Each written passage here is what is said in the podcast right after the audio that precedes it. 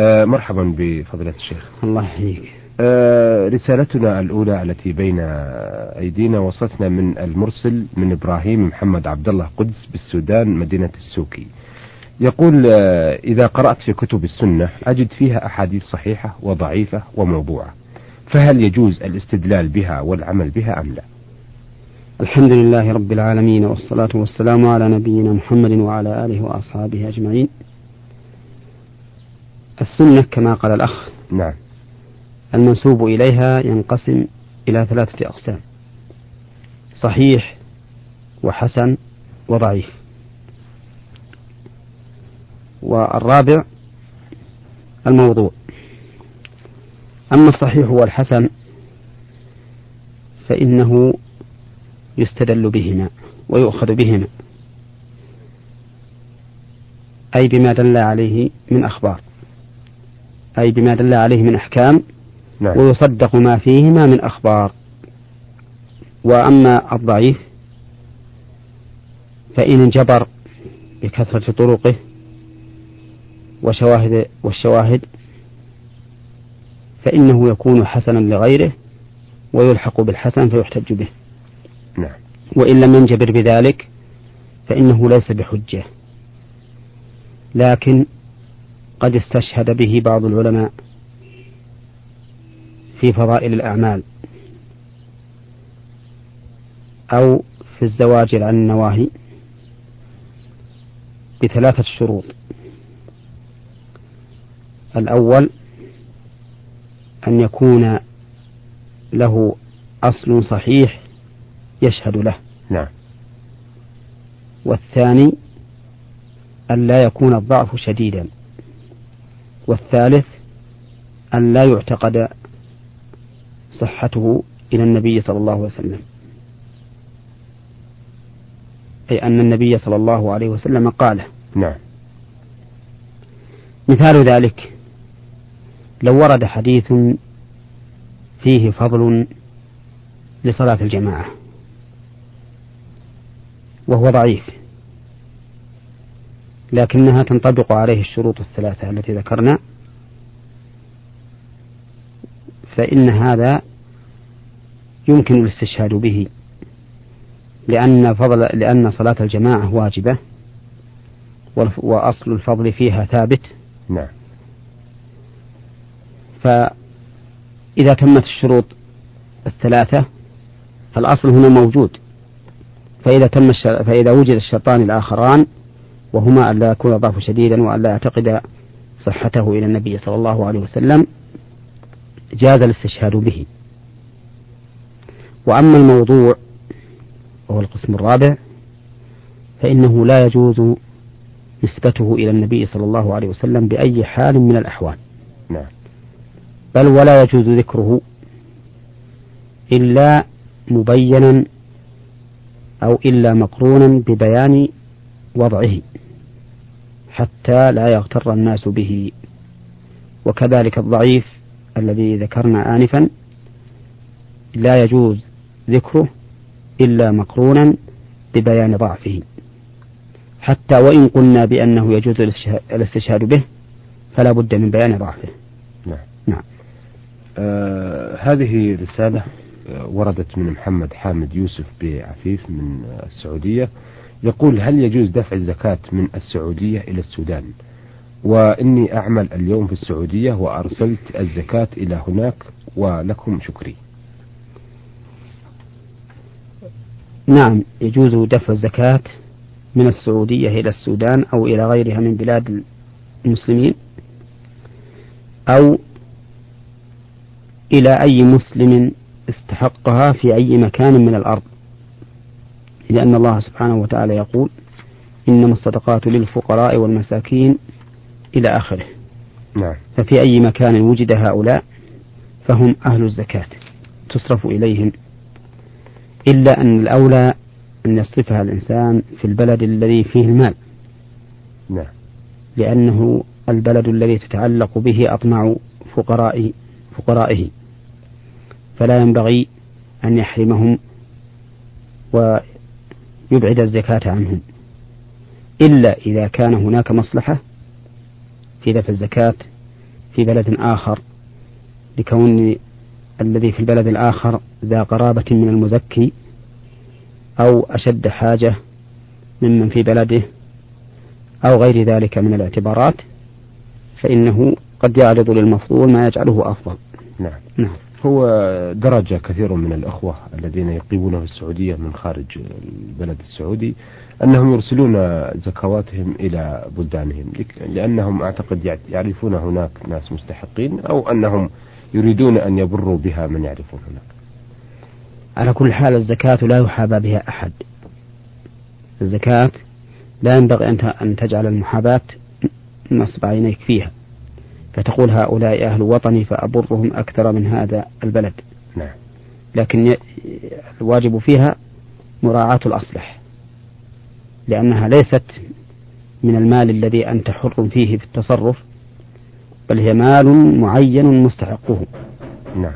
فيجب عليك أن تراعي في ذلك ما هو الأصلح والأنفع والأجدر والأحق نعم. ويظهر لي أن الذين يرسلونها إلى بلادهم ممن هم في السعودية أنهم يراعون أمرين. الأمر الأول شدة الحاجة في بلادهم غالبا. نعم. فهي فهم أشد حاجة من السعوديين. لأن السعودي ولله الحمد الغنى فيهم كثير. نعم. والشيء الثاني أنهم أعرفوا بالمستحقين في بلادهم منهم في البلاد السعودية لأنهم لا يعرفون الناس في البلاد السعودية. نعم, نعم.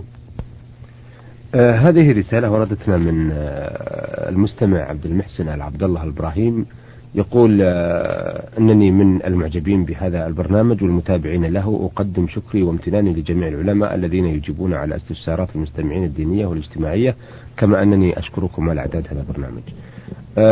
يقول آه وبما أن لدي مشكلة تجول في خاطري حيث أنني أعمل في محكمة الرياض الكبرى وأحضر للدوام في الساعة الثامنة صباحا وأخرج بعد صلاة الظهر وذلك حسب حضور القاضي وانصرافه الذي أعمل في مكتبه. وسؤالي هل يجوز لي ذلك حيث أن الدوام من الساعة السابعة والنصف إلى الثانية والنصف كما أن عملي مرتبط بموعد القاضي ولكم خالص تحياتي.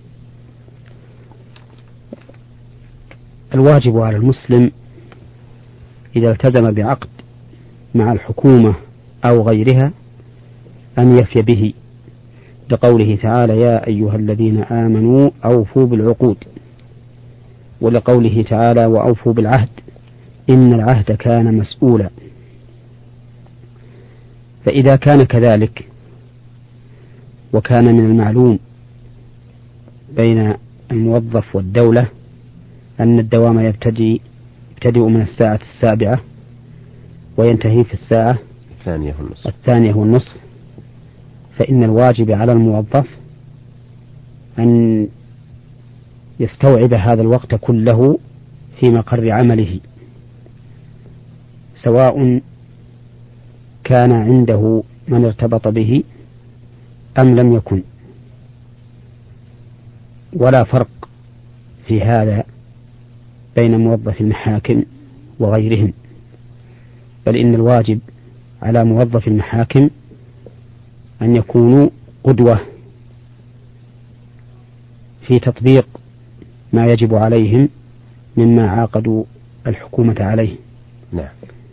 لأن كثيرا من الناس الذين ليس لهم صلة بالمحاكم الشرعية إذا رأوا تفريط المسؤولين في المحاكم الشرعية وتهاونهم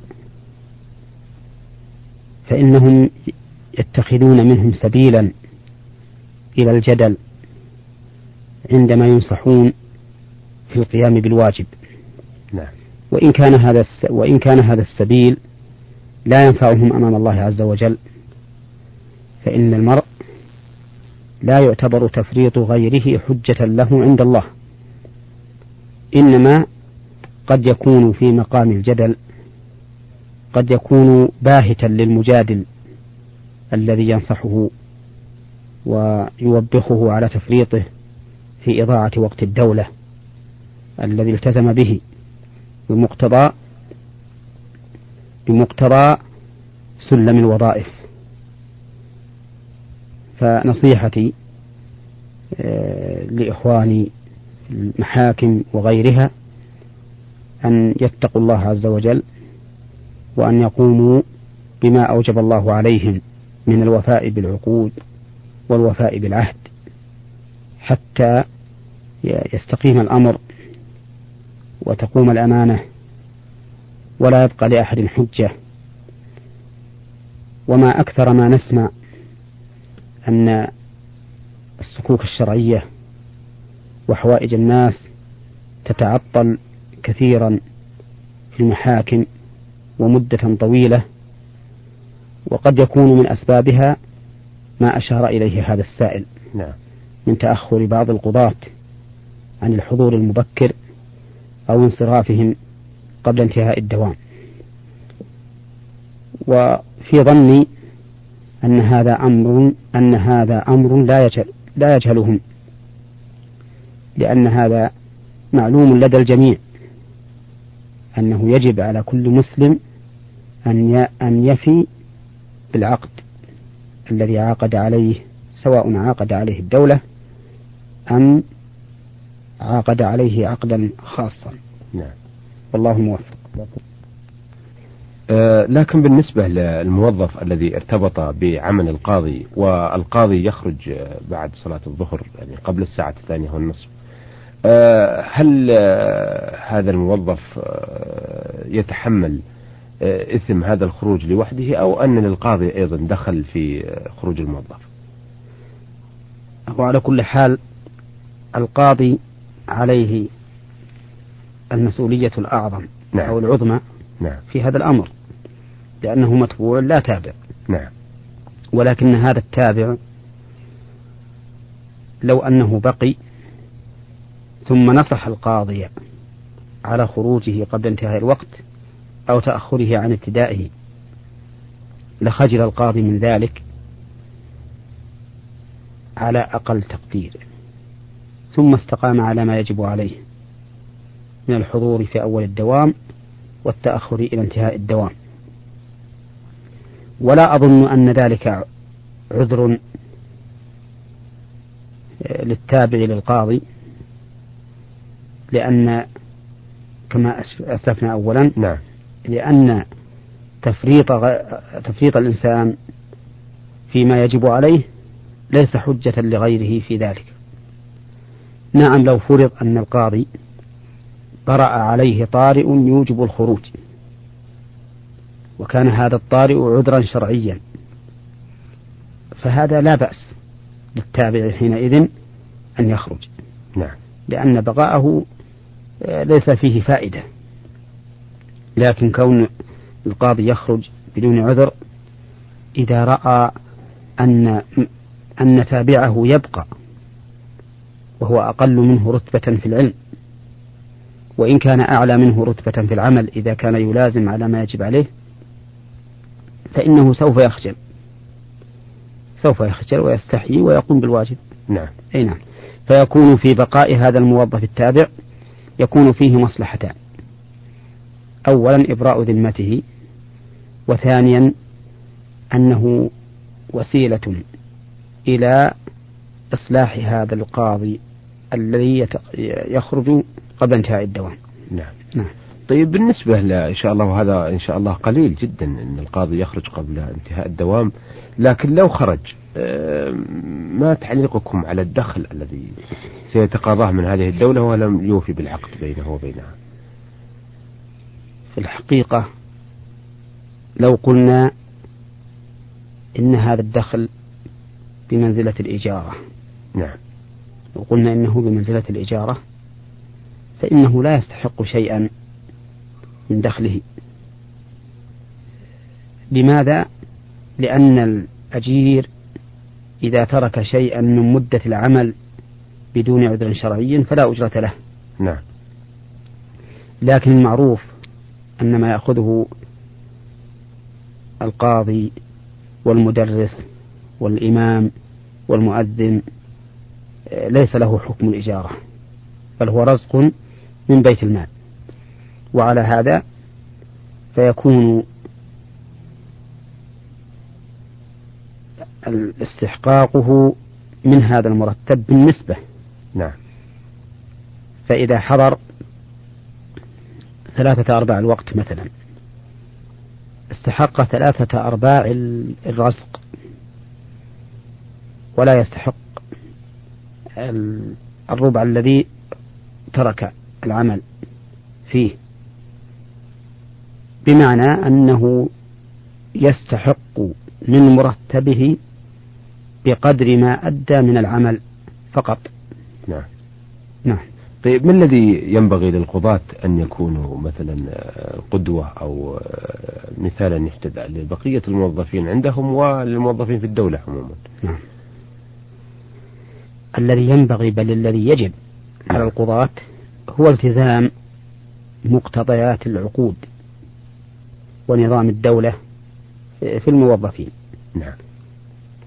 فيتمشوا عليه ويطبقوه. فإذا تمشوا عليه وطبقوه فإن الناس تبع لهم.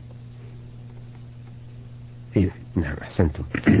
أيها السادة إلى هنا نأتي على نهاية لقائنا هذا الذي استضفنا فيه الشيخ محمد بن صالح العثيمين الأستاذ بكلية الشريعة في القصيم وإمام وخطيب الجامع الكبير بمدينة عنيزة وقد أجاب على أسئلة واستفسارات السادة إبراهيم محمد عبد الله قدسي من السودان ومحمد حامد يوسف سوداني أيضا يعمل بعفيف وأخيرا السائل عبد المحسن العبد الله الإبراهيم الموظف في المحكمة الكبرى بمدينة الرياض.